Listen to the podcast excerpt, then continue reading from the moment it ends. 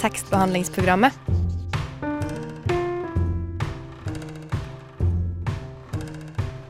Tekstbehandling på radio.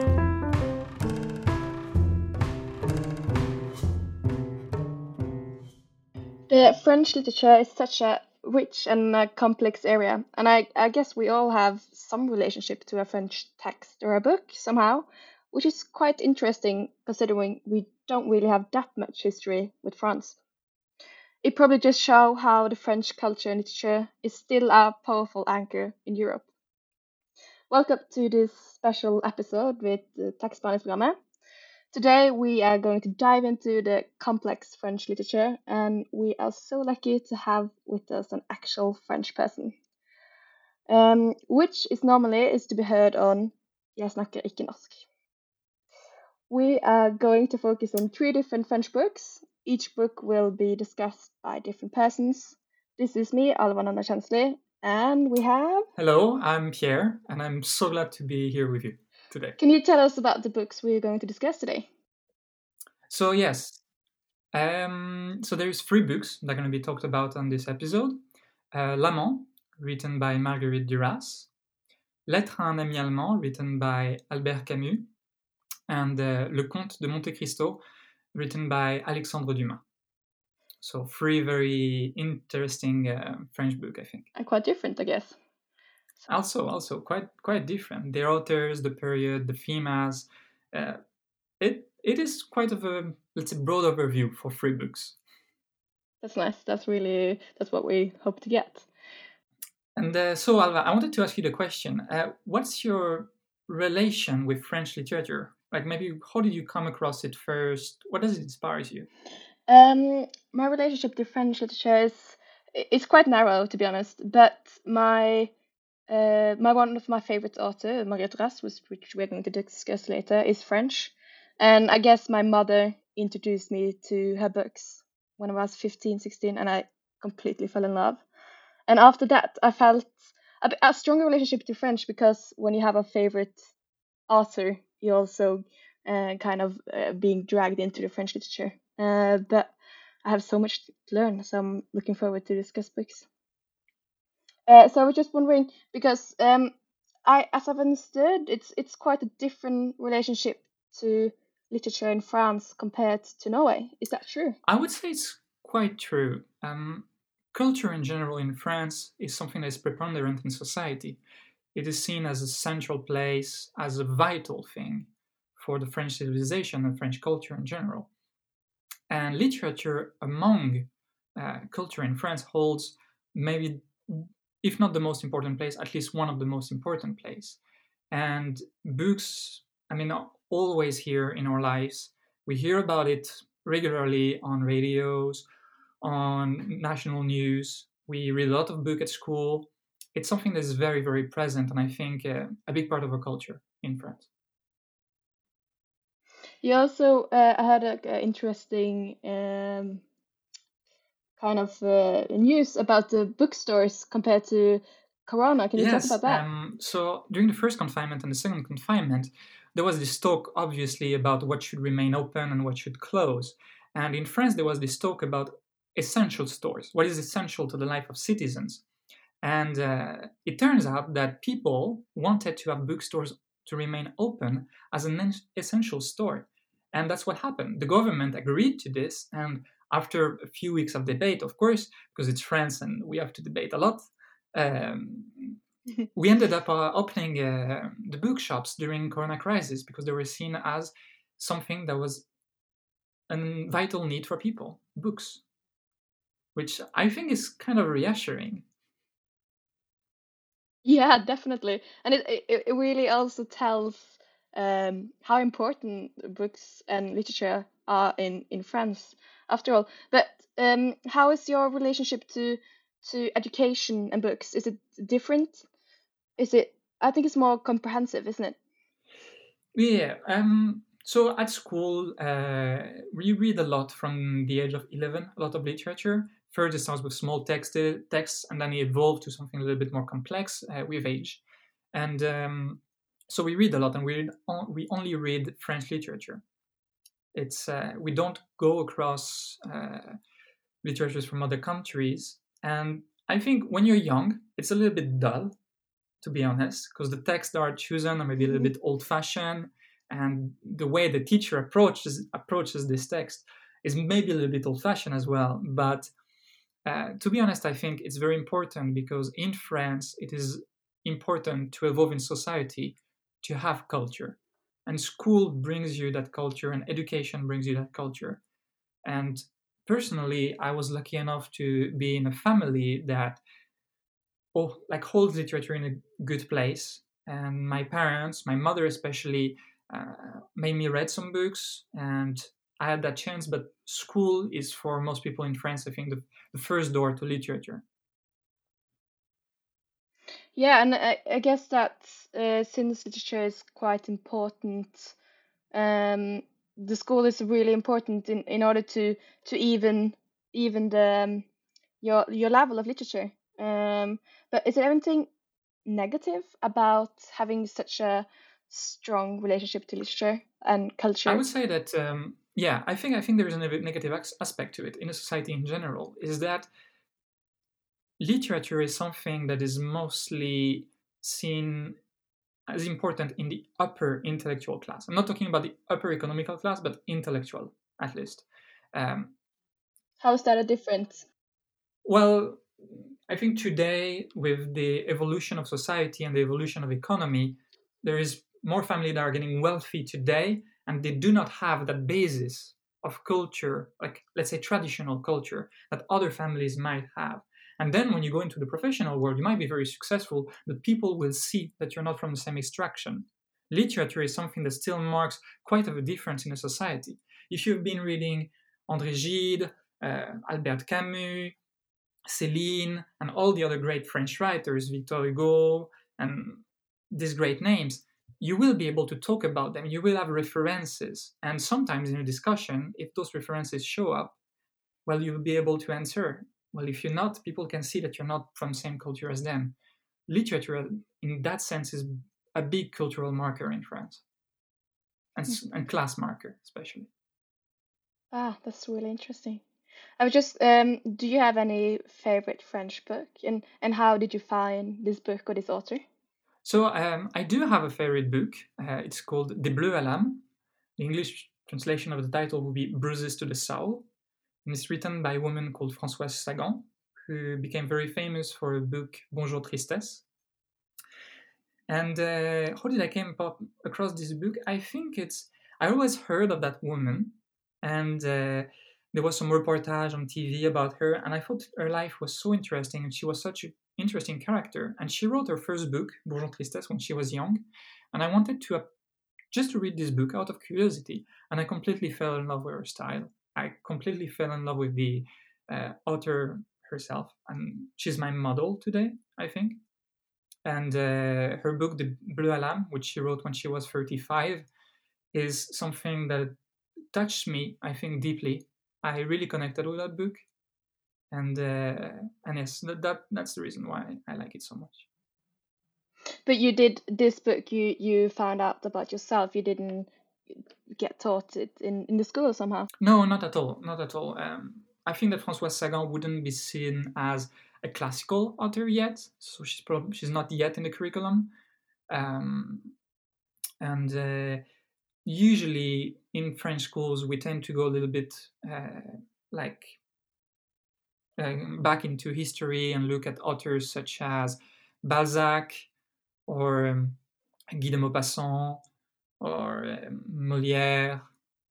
Uh, this kind of uh, 19th century French literature that is very classical and it's been studied for a very long period of time. That's what I meant when I said earlier. Then uh, all of that is a little bit old-fashioned, and we should move on a little bit and, and go over, uh, I think, more modern literature, which was appeal a little bit more probably to the young. Okay, I would just have um, a question more because I think the focus on this, the cultural capital, the uh, the cultural aspect about uh, having the references and all. Do you think that kind of kills the reading spirit? I'm, I'm not sure it kills it, but it might make literature a little bit intimidating for some people. Uh, I'm pretty sure that literature is probably one of the cultural thing that is the most difficult to approach at first. Maybe with pictorial arts, because pictorial art you need to know about it a lot. But it's much easier to listen to a song or to uh, watch a movie or to go watch a play, maybe even, than okay, going to the library, picking up a book about an author that you never heard about, that wrote something 70 years ago or 100 years ago, 200 years ago, that is very difficult to relate with, and to approach that 200, 250 page book, uh, I would say it's rather intimidating for people who are not used to read when they're younger and for who it's not part of the culture in the family. But maybe it's maybe it's gonna come back. I think. I think it's gonna come back. Definitely, literature in the Youth. Yeah, we cross the finger for that. um, that's all we we got in this short introduction. Uh, we're gonna to listen to the tree discussion about the book soon, but first we are going to listen to Tekstbehandlingsprogrammet når du vil lese med øra.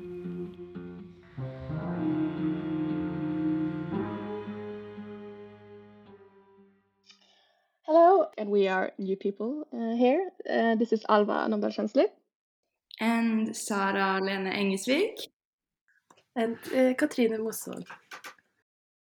And we are going to talk about the book uh, The Lover uh, of Marguerite Duras. And first, before we talk about the book, we want to have a short, um, short summary of what the book's about. so, uh, the story takes place in Indochina uh, in the last period of France's colonial time. And the starting point of the book is a picture that is never taken of the main character travel over the Mekong River when she's 15 years old.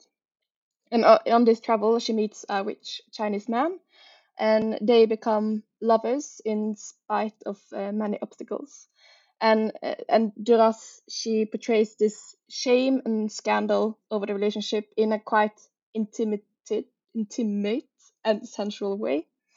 Um, and uh, but the point is, it's not really a red line of the story. Um, it takes place on different levels, and she jumps back and forth between the past and present when she talks about the story. Um, and she is kind of at older writing, looking back at her life, and then she goes talking about her her life uh, now, and then she talks about her life in Indochina. So it's quite difficult to have a grasp on what's really the story. But I think that's not the point about the book either. Uh, yeah, I'm uh, just adding that it's from 1984, right? And yeah, and people like it's um, often said it's an autobiography, but I think uh, she herself has like denied that it was an autobiography, but it has a lot of uh, resemblance with her own life. Um, uh, but as you said, it starts with uh, photography, and um, I that's something that is like very goes through the whole book. It's often like in the uh, you get the sense that she is um, uh, describing photographies, um, and I also think that it was like that was the main the like original idea uh, to um, describe um, her life as like or her childhood or uh, teenage years uh, in like a perfect photo of it. Um, but did, did you think any of anything about that when you read it? I think yeah, she because in the beginning she has a lot of focus on the photograph that is never taken, and she talks and and I, I yeah, it's a good point because I feel like she starts the story with this photo that's never taken, and then she explains why it's so important for her. Um, so yeah, I, I guess so. I never thought of that before you said it now. Yeah, I think that a lot of the situations from her childhood and with her brothers and mother often starts off with like um like the description of a photo. Like i remember we sat around a table or yeah that it's like it um, makes it very much mm, like uh, memories or that she's uh, very like picking out certain memories that are very clear but it's not like a red line as you said.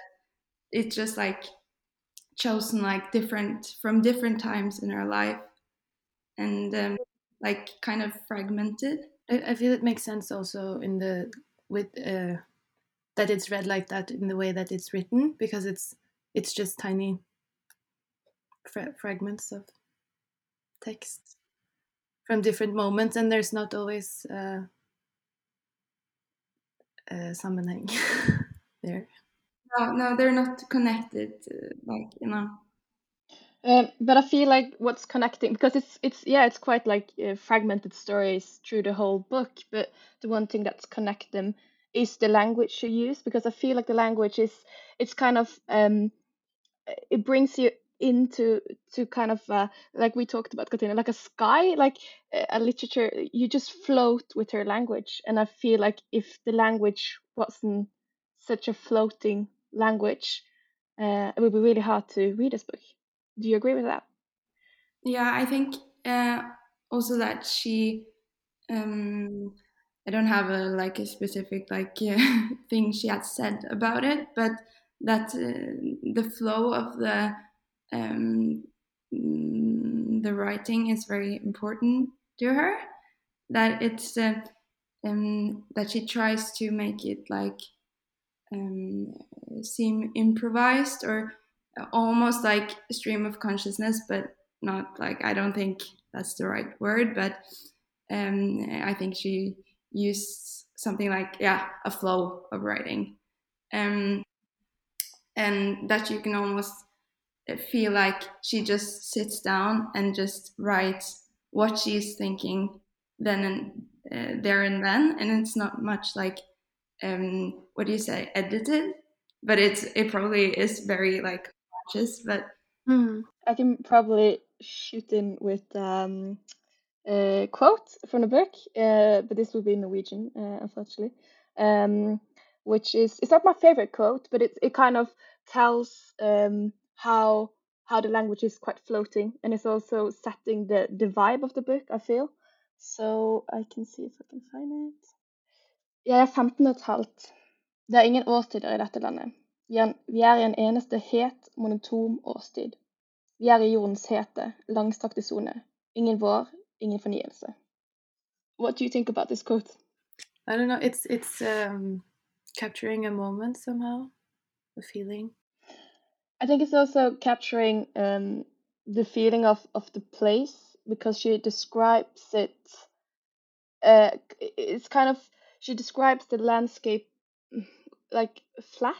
Like I don't know how to. Um, yeah, I don't know how to to describe it otherwise than the quote. To be honest. no, because it's it's um, about like it um, describes the weather in uh, in Saigon in in uh, yeah, and uh, it's something about the like mon I don't know monotone. Do you say that? And how it never changes, and I think that's because a lot of she talks a lot about um, that she wants to escape or like move from Vietnam in the book that she like longs to like get away from it um and i i'm just wondering if that has like if this uh description is like a negative description do you do you read it as something like negative Um, I feel like she's quite cynical. Uh, yeah, when she talks about uh, her place, and um, sh yeah, she writes it like she, she writes it like she hates it, but also embrace it in a kind of way. I feel like she has the same relationship uh, to the place as she has with her mother, which she sometimes describe very loving, but sometimes describe as a mad woman, uh, if that makes sense.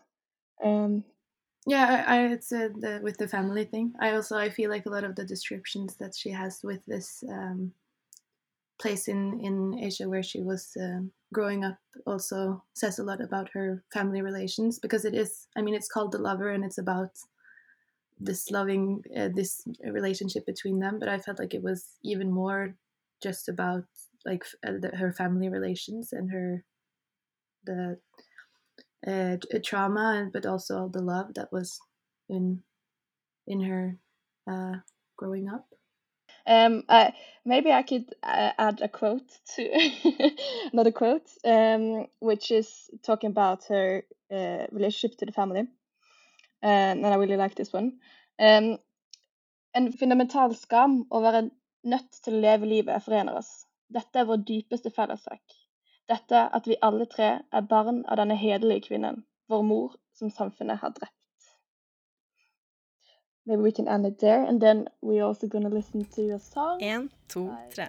T-E-K-S-T-B-E-H-A-L-D-L P-R-O-G-A-M Tekstbehandlingsprogrammet på Radio Nova.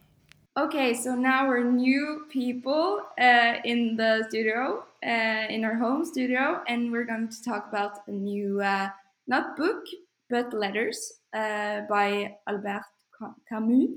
Uh, the no letters to a German friend, and we are uh, me, Sarah, Pierre, and Sophia. Yes, yet another new member of the of tekstbehandlingsprogrammet for the week, Sophia from uh, Frokost. Sophia, do you want to say uh, or present what we're going to talk about? Today we're going to talk about Letters to a German Friend by Albert Camus. It uh, has been written between 1943 and 1944, and it was published in 1948. And uh, it was written during the period, um, yeah, the period of uh, Second World War, uh, and during the occupation, and uh, yeah, where Camus he had kind of an active role as a journalist and yeah. Yeah so he's writing like letters to a fictional uh, german friend and he's like trying um, yeah we'll, we'll talk more about what he's trying to express but uh, uh, it's uh, maybe easier if we start with the preface because that's very uh, important for the new, like for when he republishes it. And you, Pierre, you said uh, earlier that if uh, if you uh, were in control of it, you will put it so that everyone in France had to read it in school. And yeah, can you say something about that?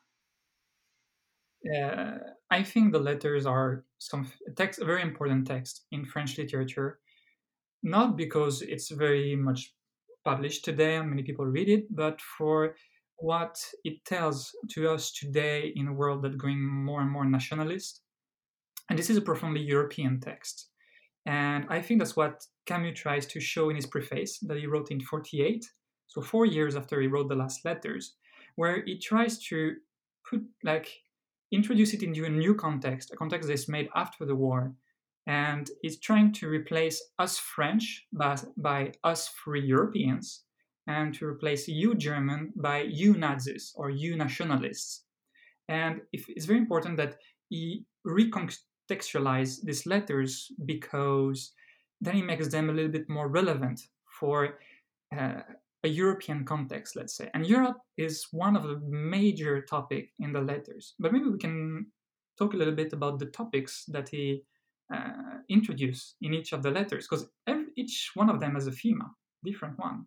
Um, I mean, the first letter uh, is uh, based around, uh, or just say if you disagree with me, but uh, that this German friend uh, says to him that you don't love your country because because he doesn't want to uh, like fight for only his country. He also want to do it in a just way, if that's that makes sense. And that's a sentence that comes up pretty often during the text, like the quote, "You don't love your country," uh, and he seems really offended by it. And uh, is kind of arguing against this uh, this statement during the text. So it, yeah, it shows up. Yes, definitely. It's it's one of his main concern. He says that he never really understood what why the German friend would say that that he doesn't love his country, and many times, as you said, he mentioned up, and he mentioned how he is he has an like demanding love for his country. He has an ideal image of it, and he's ready to love that ideal ideal image, but not to sacrifice anything to it. And if he has to love his country, it would be injustice. In regard to the German friend who is do everything for his country out of love, even though it's without his, without justice or without peace or uh, fundamental values. Yeah, and it's uh, later in the second uh, letter when he draws in uh, the concept of like or the term intelligence, uh, where I find that mm, like uh, we for Europeans, uh, like we, he says, uh, we have um, we put intelligence higher than you because you Germans or you not Germans but you Nazis you submit to like someone else's thoughts without thinking yourself but we have to think through through uh, and decide why are we going to uh, fight this uh, war. Uh, yeah, yeah. Yeah, it's very true. Many times, I think the entire purpose of the letters is to say out loud why the fight of the free Europeans is more worthy and it will triumph in the end compared to the fight of the Germans uh, or the Nazis. Uh, it's important to make the distinction. And he makes a lot of comparison in the second letter. And he would say that he prefers, like, the Nazis would fight for a politic of reality, while the free Europeans would fight for a politic of honor. And what Camus says that in the end, even though he loved his country, for him the ideal of justice is more important. And he says that love for your country is in justice, truth, and hope. And that's why he really tried to mix go through with the letters. And um, he takes the example of a kid that is sentenced to death and tries to ex- escape the car that is in to be brought to the execution peloton. And uh, at one point, the kid escapes. And what is very interesting is that there's a priest inside, and the priest like deny his own value, his own Christian values, to collaborate with the Germans. And the kid is caught back and will be executed in the end. And he shows that this is not worthy of uh, fighting for. Mm-hmm. Uh, I was also thinking about the, uh, in that regard, what do you think is like the most dominant feeling uh, of the letters, if that makes sense to ask? I would say that there is definitely in Camus a general feeling that you can see through all of his work is despair. He is a profoundly humanist person who has high values and will not cheat with them at all. And the entire purpose of the letters is really to show that you can push forward these values even though you have to fight. And you tell me, you, you, you point out something in, your discussion about the letters, about the fact that the free Europeans have to use the means of the Nazi during their fight. And I think that although you really think that is ideal and you will triumph over because his virtues are more important, the virtues of intelligence and of love, but uh, is desperate because he has to use the means of violence. And this is the general feeling I got from the letters. Uh, yes, like uh, the sentence that you, you don't love your country. Uh, I, th- I feel like the reason why this sentence keeps showing up is that uh, his point is that he loves his country, but not at the expense of justice and boundaries, and that he kind of have like a a moralist uh, view throughout the text that he he are um, here confronting he's confronting the Nazi Germany about the morality and uh, the humbleness. And yeah he seemed kind of uh, proud of uh, France or Free Europe's humbleness, and that they think things uh, that they are more uh, more able to think through the consequences of war and yeah, the war in itself. Yeah, just to finish up on the concept of fighting, uh, what he says at the very end, I think, is the most crucial. Is he says that even though we have to fight, we have to respect in you what you don't respect in others. And he says that you will fight with no pity, but with no hatred. And the ultimate purpose for that is to save the idea of a man. And I think that that is his ultimate, uh, the, the, how he concludes the letters. Yeah, and I think that's a very nice way to conclude this uh, little discussion on the letters uh, to a German friend, which, if you can find it, we all recommend everyone to read. Although it can be a little bit hard, I think it's still relevant. And um, now, before we move on to another book, uh, another French book, we're going to hear the song Ecstasy. Siri? Jeg er din assistent. Ja. Hører du på tekstbehandlingsprogrammet? Selvsagt. Gjør som Siri. Hør på tekstbehandlingsprogrammet. Welcome back. Uh, we are now going to talk about another book, The Count of Monte Cristo. My name is Anna Elizabeth, and I'm joined by. I'm Pierre.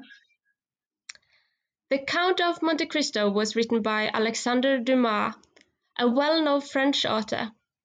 We know him for his piece of The Three Musketeers, for example. The novel was completed in 1846 and the novel takes place in France and Italy. It started with Edmond Dantes, the main character, later becoming the Count of Monte Cristo, being falsely accused of treason. He gets arrested and imprisoned without trial at an age of 19 for life. After six years in prison on a grim island fortress of Marseille, Dantes was close to suicide. And then a fellow prisoner named Faria educated Dante and helped him to plan an escape and the future. Faria was close to his death, and before he died, he told Dante the location of a treasure on the island of Monte Cristo. When Faria then died, Dante escaped and returned to the society as the cold and bitter Count of Monte Cristo, a man living for getting revenge of those who once betrayed him. The historical setting is during and after the Napoleon War and is a fundamental element in the novel. What the topic is, we'll get back to that.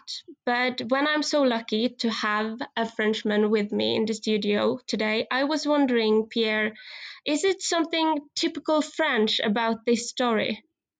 Well, um, apart from the setting, which is France, uh, I'm not sure there's something rather specific in the story. But uh, something that is rather specific, though, is the way the story was published. And it was published in newspapers, uh, in what we call in France a feuilleton, weekly, and for three years between 19, uh, 1844 and 1846 in three different parts. And uh, what struck me with uh, The Count of Monte Cristo as a story is how, through the years, Alexandre Dumas managed to create such a complex story with so many different characters and lasting over a very long period of time. Yeah, um, I love I love the way that it was published in newspaper, and I find that really fascinating. It must have been quite amazing, I think, to kind of have this to look forward to to kind of complete the story. But when you were talking about this complexity that Alexander Dumas creates during this novel, what do you think about the main character, Dantes? Well, he's rather a complex character by himself. Uh, in the beginning of the story, and in certain points of the, timeline as well, later in the book, he is like a very brilliant man, promised to a very brilliant future. Most people like him, but as well, like he's a man that creates jealousy, and that's what will bring him to a fall at one point in the book, as you described uh, in the introduction. And so that's that's Edmond Dantes. And then the Count of Monte Cristo is totally another character. He is almost like a supernatural being, in my opinion, because of the way he's described by Dumas. Someone who is very pale, someone who has eyes that can see through the dark, someone who arrives almost always perfectly on time at the second. And that is something that is very, very unusual. And Dumas insists on this so many times in the book. And as well, the fact that he's able to transform himself and to fool other people. He's transforming himself into a religious man, into many other characters. And that makes him almost, yeah, like a mystical figure in the book.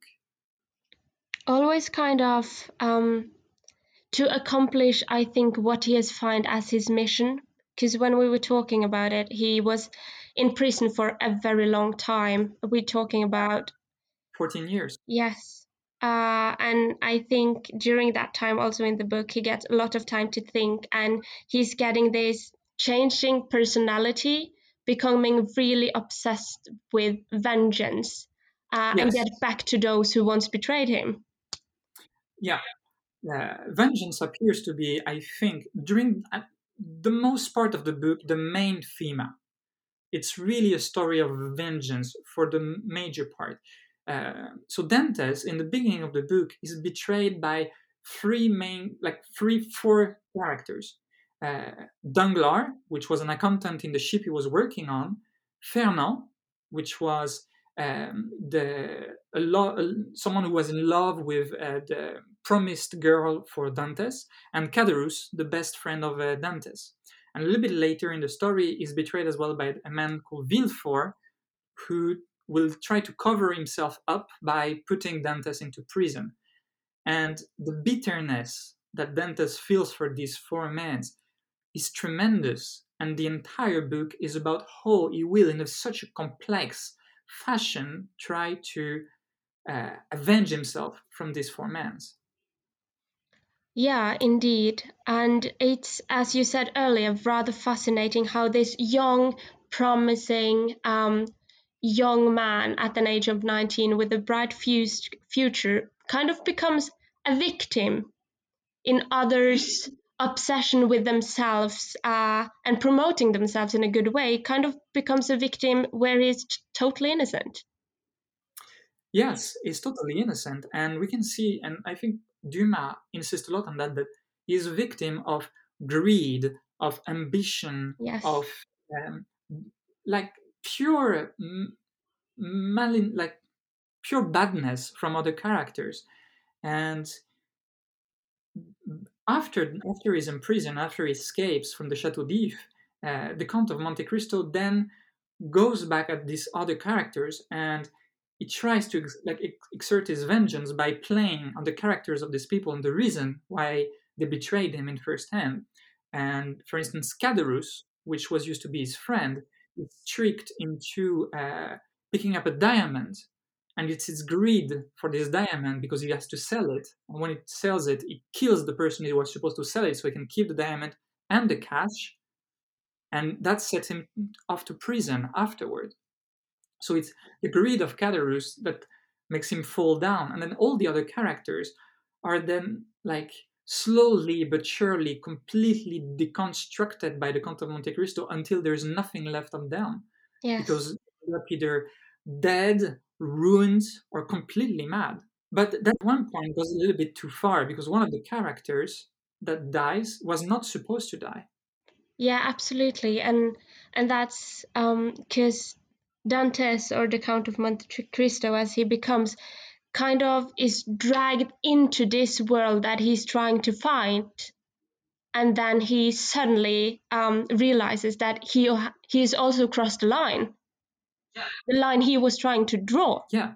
And uh, and that's uh, this happens rather at the end of the book. And in his vengeance someone that didn't had anything to do with him ends up dying. And he realizes he's been too far. And the last character, which was the first one to betray him, Danglars, so the last character he avenged himself from, he decides not to kill, but just to bring as low as possible. And uh, I think it's like the moment he realizes that the Count of Monte Cristo must disappear almost, and that Edmond Dantes must reappear. And uh, the book then like switches to something a little bit different at the very end. And vengeance is not the ultimate uh, message of the book. Can you tell us a bit more about that? Yeah, and, and I totally agree.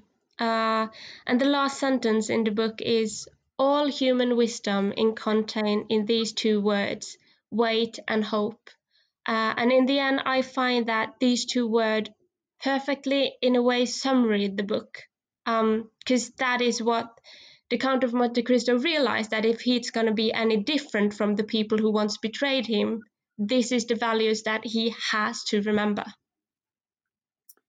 It's true. Very true.